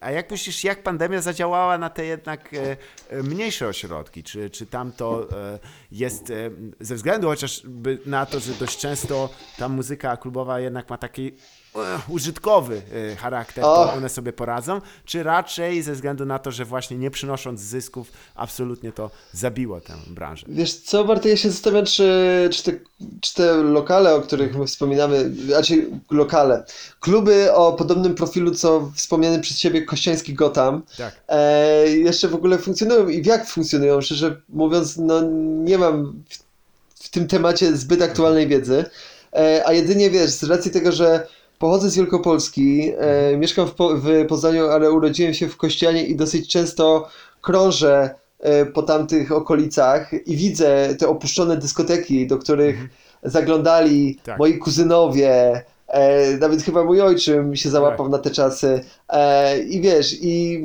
dla mnie jako takiego nastolatka, ale takiego nastolatka, wiesz, 12-13-latka, to były to kluby, to były to miejsca owiane legendą, Tak. miejsca, o których marzyłem, żeby móc w, ko- w końcu tam wejść. Tak. E, a dzisiaj już tego zupełnie nie ma. To są pojedyncze jakieś miejsca.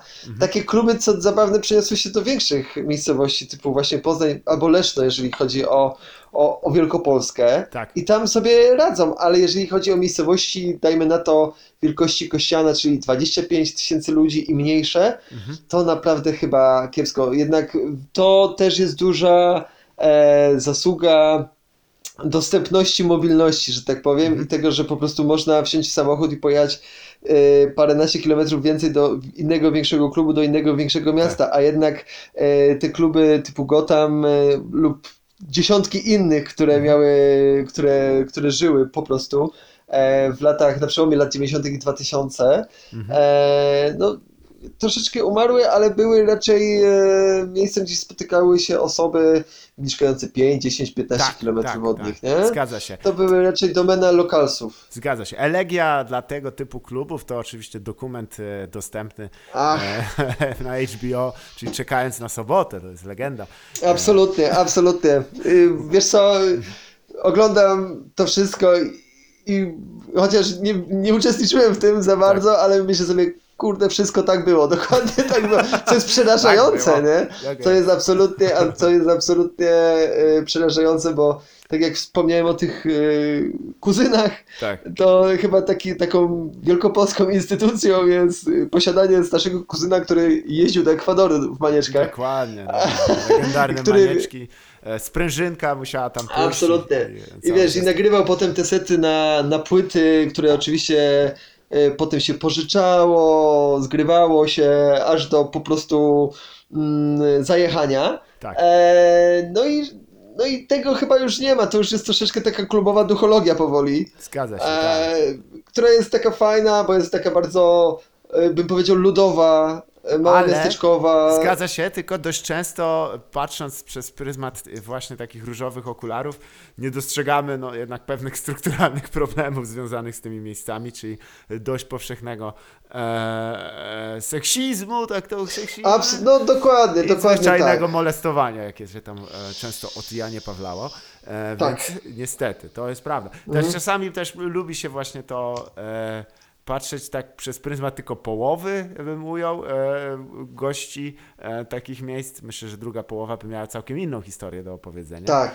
E, Ale to nie, nie bardziej nawet o to chodzi, tylko e, mnie e, bardziej interesuje, wiesz, w którym kierunku, mm, jeżeli uda się wyjść z, i zapewnić ten, o której wspomniałeś, taką nowozelandzką, mm, świeży ten start, to e, skąd, skąd przyjdą środki na zrestartowanie tych miejsc? I no, e, je, pojawia się obawa, że jednak one, jak większość w Polsce, będą obiektem inwestycji osób, które mają na tyle dużo pieniędzy, że mogą sobie pozwolić na pewien czas takiego rozruchu. No bo ogólnie kluby mm, w tych swoich pierwszych etapach nie są opłacalne. To jest bardzo, bardzo. E, no, raczej dla potężnych zapaleńców zabawa, e, więc e, czy nie sądzisz, że to jest e, już ostatni gwóźdź do takiego niezalu e, i e, wpuszczenie na Ach, salony? to piękne określenie. Tak. Kiedyś się tak mówiło z że coś tam Absolutnie. nie zalu. Jezus Maria, rzeczywiście oskór. Ale kwestia, że wiesz, czy od tego momentu nie będziemy patrzeć, jak Samsung e, e, po prostu będzie miał swoją cykl imprez w swoim premierowej lokacji i już po raz kolejny zapraszamy. Niesamowite. Ja mam do tego oczywiście e, swoje jakieś tam nastawienie, ale c- jakie jest twoje zdanie, jeśli chodzi o ten wejście tego?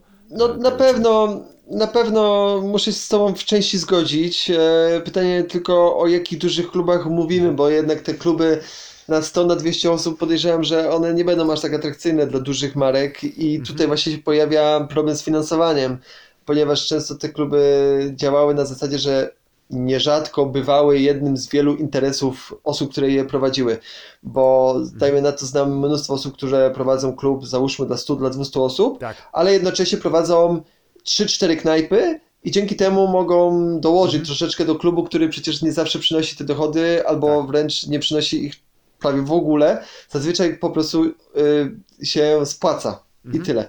E, I y, jeżeli chodzi o te duże kluby, no tam chyba już tego nie zatrzymamy i rzeczywiście jeżeli są to kluby na 800, na 1000 osób, no to siłą rzeczy pojawiają się tam marki alkoholi, marki technologiczne, marki odzieżowe. Tak. E, to jest coś, co się dzieje, myślę, że też no nie od wczoraj Tak. i, e, i nie tylko w obrębie Wiedziałem, muzyki wiedziałem, elektronicznej. wiedziałem Hubert, jak, w- jak wpuściliśmy Jagermeistera na imprezę, to był błąd. Oni Ach. przyszli z tymi małymi flaszeczkami i to się kurwa posypało. Nie wiem, czy pamiętasz, ale był kiedyś coś takiego. Tak, tak, Łowcy, tak, tak. Czy coś w tym duchu. Po Tak, tak, Trzeba było tak. zrobić zdjęcie i dostawałeś takiego, taką Słuchaj, ja jeszcze, ja jeszcze pamiętam, jak na imprezach rozdawano papierosy. I to było dosyć, to było dosyć takie niesamowite. Absolutnie tak, pamiętam imprezę w y, też już nieistniejącym poznańskim klubie Eskulap i to było, nie... w ogóle jak sobie myślę o tej sytuacji, to się chwytam za głowę, jaki to był absurd. Wyobraź sobie sytuację taką, że chodziły panie, Tak. y, które y, reklamowały markę papierosów taką bardzo amerykańską, Mhm. taką bardzo męską, bym powiedział. I one chodziły y, w strojach takich, wiesz, soft porno kowbojek. E, no. czyli wiesz, e, tutaj za krótka spódniczka, top, wszystko miało oczywiście frędzle, Mhm. miały kapeluszy kowbojskie, e, oczywiście gigantyczne napisy informujące ja- jaka to marka Mhm. i one chodziły i rozdawały na tackach papierosy, które można było sobie wziąć, a jeżeli wykonałeś jakieś tam wiesz, drobne zadanie, no mogłeś oczywiście otrzymać na przykład z 3-4 paczki, nie? No, tak, tak. o, Tam bo było, co za czasy, no niewyobrażalne. Ja pamiętam tą kminę, bo zawsze ja nie paliłem wtedy papierosów, ale więc byłem zawsze bym jeszcze tym typem, A, co podchodził i udawał, że pali, żeby dostać jeszcze i dać palić znajomym. Po prostu wiesz, się ciągnęło tego sporo. No to Mhm. też jest taki e, zwyczaj, tylko e, wiesz, em, w sumie jeśli chodzi o no, w ogóle dyskutowanie w 2021 roku na temat tego, na ile jesteś w stanie utrzymać underground, e, to jest chyba dosyć ciężkim zadaniem. Tak, i teraz też wiesz, dochodzimy do sytuacji, co jest undergroundem, nie? Co, co jak gdyby pozwala tobie tytułować się undergroundowcem albo miejscu, że jest undergroundowe, nie? Czy to jest tylko kwestia na przykład gatunkowa, że grasz tylko i wyłącznie niszowe gatunki? Tak. E, czy to jest kwestia właśnie tego, że, że w jaki sposób e, prowadzisz działalność, e, tutaj mam na myśli, e, wiążesz się lub nie wiążesz z danymi markami, zapraszasz określone osoby albo masz określony sposób zapraszania artystów. Tak. Jest bardzo dużo czynników i często dyskusja wokół tego jest spłycana do zaledwie kilku, a to jest naprawdę bardzo złożone zjawisko i wydaje mi się, że ta dyskusja jest trochę już taka przebrzmiała, że zgadza możemy się. kłócić o coś, co już ma miejsce i tej rzeki już chyba no nie zawrócimy Nie, kijem.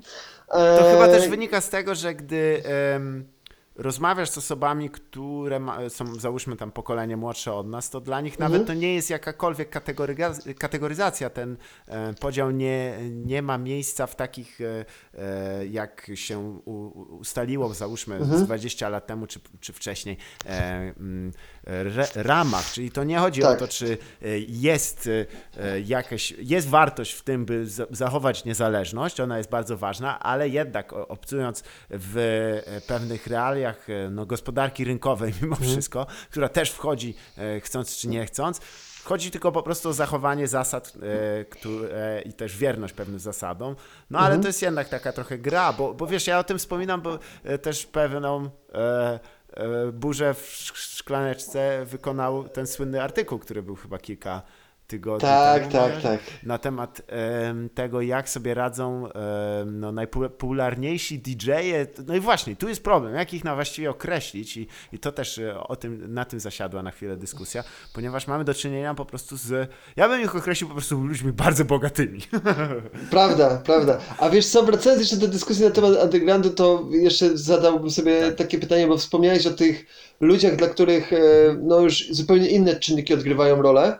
Tak. E, I teraz dajmy na to, no wydaje mi się, że też dla nich, dla młodych ludzi, Mhm. też underground nie jest już żadnym wyznacznikiem jakości. Bo umówmy się, niektórzy underground mogą postrzegać jako to, że jest to klub, który daje szansę młodym ludziom, Tak. e, lokalsom i tak dalej. I czy undergroundem nazwiemy klub, gdzie co weekend grają DJ-e robiący non-stop konie i, i tak dalej? Dokładnie. Czyli po prostu niedoświadczeni? I to jest underground? I to jest ten mityczny underground, który jest taki, wiesz, e, prawdziwy, pierwotny i, tak dalej? No, no nie wiem, o co w tym chodzi. E, Ja w żaden sposób nie staram się określać, definiować undergroundu, bo jak dla mnie to jest temat na co najmniej pracę magisterską, a nie Tak. na artykuł. E, A tak naprawdę wydaje mi się, że to jest też już troszeczkę pojęcie subiektywne. Co jak Mhm. to postrzega jako undergroundowe i Mhm. tak dalej. E, No i, i, i tak, i to się będzie zmieniało jeszcze bardziej, bo jeszcze bardziej zmieniają się ludzie, którzy przychodzą do Mhm. klubów i zmieniają się ich oczekiwania względem klubów. Kiedyś one były zupełnie inne, Tak. też sposób, też o którym już wspomnieliśmy tu parę razy, konsumowania muzyki, ale też O, wrażeń. To wszystko się naprawdę bardzo zmienia i czasami to naprawdę przypomina te dyskusje naprawdę sprzed 15, przed 25 Zgadza lat, w momencie, w którym zmieniała się scena, dajmy na to gitarowa, Mhm. zmieniała się scena hip-hopowa. No dzisiaj Tak. no, nie ma w ogóle dyskusji na temat undergroundu hip-hopowego, tak? Zgadza Nikomu nie się, przeszkadza tak, to, tak. że raperzy, to jest świetny przykład, o, wróćmy do czasów, Bartek, naszego bycia Tak. nastolatkami i przypomnij sobie, jak bardzo był hejtowany Tede za to, za, że ob, obnosił się z kasą. Zgadza się. No daj Albo, spokój, no dzisiaj to jest śmieszne, nie? Zgadza I to jest się, tak. totalnie nikt pod tym względem nie patrzy, a kiedy dzisiaj robi to, dajmy na to Żabson, BDOS i tak dalej, Aha. Taco Hemingway, wszystko jest w porządku, w ogóle nikt tego nie odbiera, tylko już wszyscy mają świadomość, że to jest część tego Mhm. zjawiska, nie? A czy to jest undergroundowe, czy nie, no to już nik nikogo to nie interesuje. Faktycznie. Tutaj też e, oczywiście w, złotymi zgłoskami w słynną inbę e, dotyczącą co jest prawdziwym hip-hopem, a co nie, to tutaj O. trzeba oddać e, około, e, wielkopolskim raperom, około poznańskim, bo oczywiście był słynny podział między e, prawilniakiem, e, którego w ogóle swoją drogą e, ja szanuję bardzo mocno pana Ryszarda Peje za, e, za to, że raz ma wielką edukację hip-hopową, Okej. prawda? Mhm. A dwa, że daje szansę młodym, daje szansę Tak. młodym ludziom. To jest dosyć ciekawe, bo e, mógłby po prostu zasiąść i z tych swoich prawilnych e, właśnie e, pozycji ostrzeliwać wszystko co nowe, a jest wręcz odwrotnie. To jest interesujące. No i oczywiście pan Mezo, e, Liber, Doniu i cały skład e, WLKP, którzy też e, starali się zrobić Tak. coś innego i dostali rykoszetem. A właśnie chciałem cię dopytać e, Mhm. na pewien czas, bo ja e, w sumie nie miałem nawet okazji nigdy, żeby... Czy ty byłeś e, dobrze, ob, jesteś obeznany w e, poznańskim slangu, czy raczej tak e, średnio? No chyba tak, jednak jestem wielkopolaninem z dziada Tak. pradziada i w zasadzie cała moja rodzina jest e, rozrzucona między Poznaniem a Kościanem, czyli w promieniu 45 kilometrów. E, moi pradziadkowie pochodzili z Poznania i, i tak dalej. E, No i rzeczywiście, no ten slang jest mi e, nie obcy, jest mi wręcz bardzo bliski, bo moi dziadkowie do dzisiaj się czasami nim posługują, a nawet mi zdarza się w, na przykład Tak. w rozmowie z nimi albo z rodzicami rzucić jakimś e, wichajstrem, czy A, też hejtrem i jakimiś takimi innymi rzeczami. I czasami e, moja żona, której Mhm. mama e, pochodzi z Podhala i Tak. która w swoim domu no nie uświadczyła takiej gwary wielkopolskiej, e, czasami ona mi się pyta w ogóle, co ty powiedziałeś? O czym ty mówisz? Faktycznie. I to jest trochę, trochę zabawne. Ja bym bardziej nawet dopytał e, e, pod kątem hip-hopowym, bo dla mnie, wiesz, długie A, lata okej. po, e, po, Poznań stał oczywiście Don Góralesko i tym jak, on, Okej. tym, jak on mówił. Ja nie wiem Mhm. do dzisiaj, czy naprawdę mówiło się szkiełownia? Jakby, Tak, sz- szkiełownia, szkiełownia, absolutnie tak. Do dzisiaj się o tym mówi w ten sposób i rzeczywiście to w przypadku Don Góralesco było bardzo wdzięczne, że on tym się posługiwał i tak dalej, aczkolwiek tutaj no pewnie większość osób za większego e, patrona lokalnego, e, ambasadora e, Pozna, poznańskiej gwary będzie jednak Rycha Peje uża- tak, uważać. ale on Myślę, że w też utworach nie do końca Nie, tego nie, nie. używał, prawda? Bo, Nie, bo nie, nie do końca. Ja Nie. do dzisiaj pamiętam utwór, e, jak e, jest Don Góralesko mówi, że w pewnym momencie, że coś się snuje jak puta z dupy. I do teraz nie, nie O. przyznam, że to jest dla mnie, bo czy on to wymyślił, czy to funkcjonuje gdzieś tam. Okej. Mnie to No. tak zszokowało, bo nigdy nie słyszałem takiego sformułowania w ogóle. Więc, Jest kilka, aczkolwiek umówmy się, ta nasza gwara nie jest jakąś taką gwarą szczególnie niezrozumiałą, Tak. bo jednak wiele tutaj e, sformułowań jest dosyć czytelnych dla Mhm. mieszkańców innych rejonów Polski. To też nie jest gwara taka jak na przykład gwara śląska, Tak. bo, bo inna sprawa jest taka, że w Poznaniu nie ma chyba mody na mówienie gwarą Zgadza się, tak. poznańską i e, wiesz, co nie jest jakoś szczególnie mm, tam negatywne, ale bo wszyscy gdyby tą gwarę znają, a nie wszyscy mówią.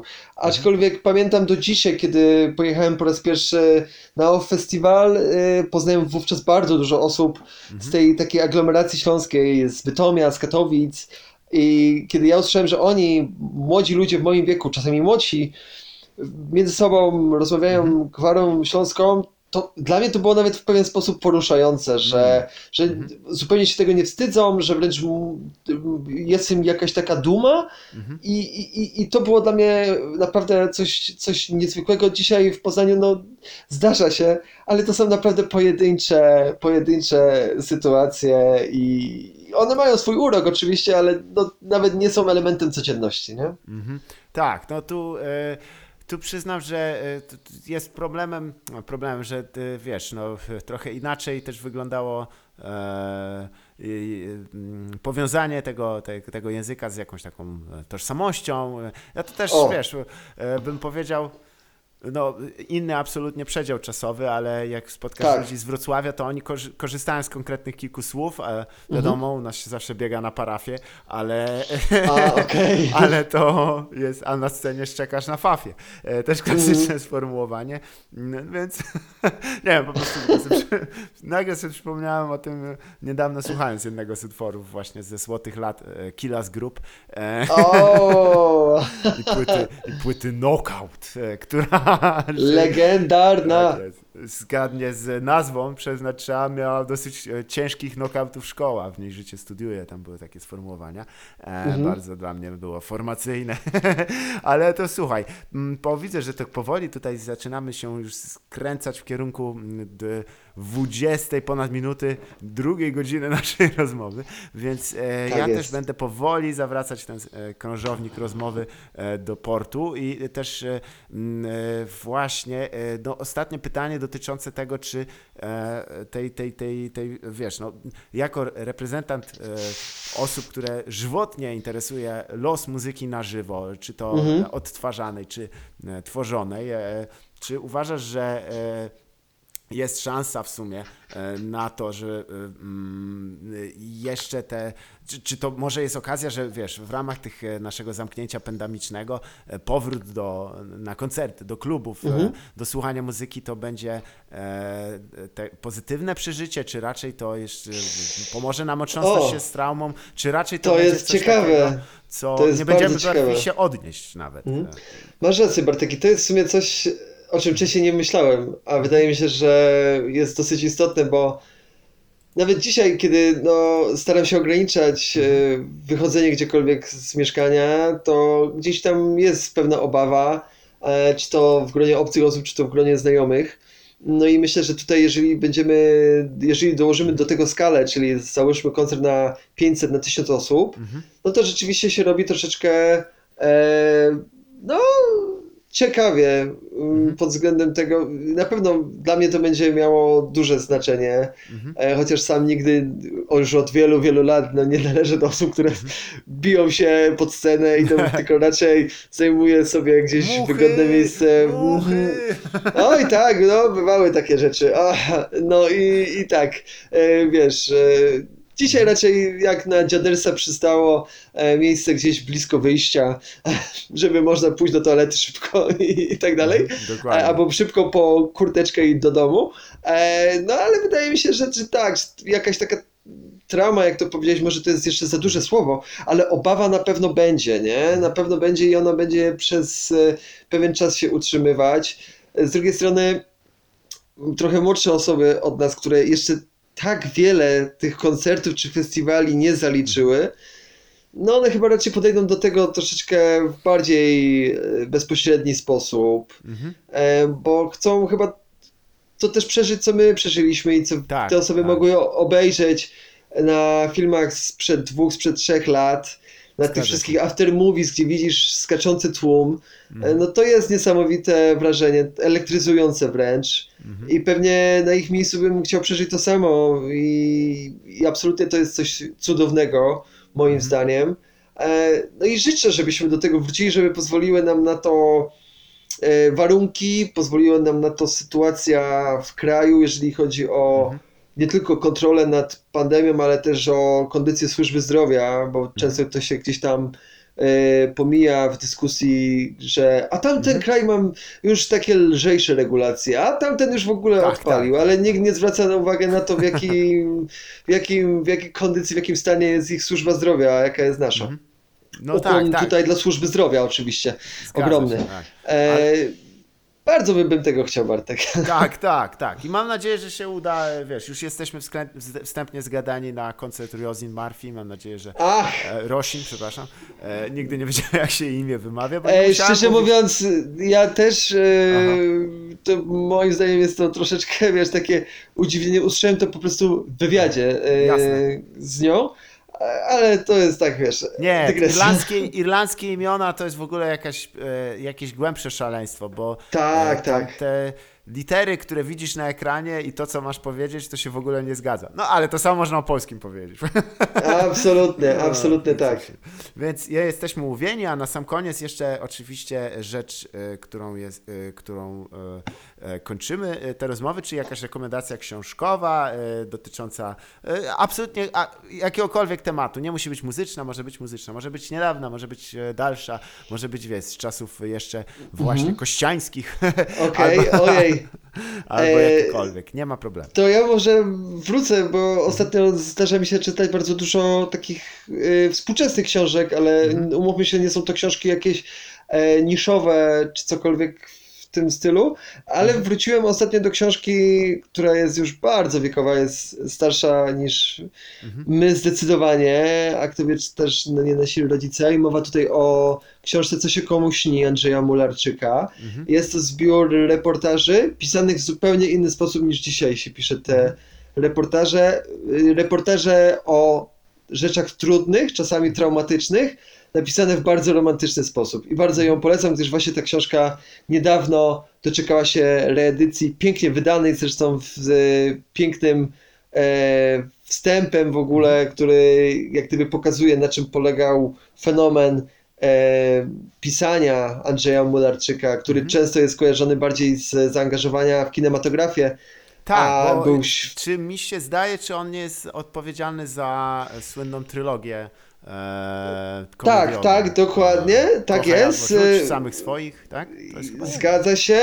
Też był e, z autorem, jednym z autorem scenariusza serialu Dom, Tak. ale przede wszystkim jest kapitalnym e, felietonistą, reportażystą i naprawdę przeczytanie Mhm. e, tej książki, co się komu śni, no było takim trochę game changerem, jeżeli chodzi o sposób, w jaki czytam, w jaki piszę i w jaki nawet Mhm. chyba rozumiem świat, e, bo naprawdę no, bardzo, bardzo jest to ciekawa lektura, Mhm. e, a z racji tego, że właśnie to, co wspominaliśmy, że Mularczyk jest bardziej kojarzony z kinematografią, to gdzieś się nie mówi o tych jego dokonaniach literackich, a powinno zdecydowanie. No cóż, no to świetna rekomendacja na sam koniec. Ja oczywiście Ci bardzo serdecznie dziękuję. E, udało Bartku, ja tobie również. również udało się ani razu nie nadmienić, że to drugi raz, jak rozmawiamy. Tak, tak, tak, dokładnie, się, prawda. Ale widzisz, to e, na pewno nie ostatni. E, Słuchajcie, ja Racja. serdecznie Ci dziękuję jeszcze raz, Hubert.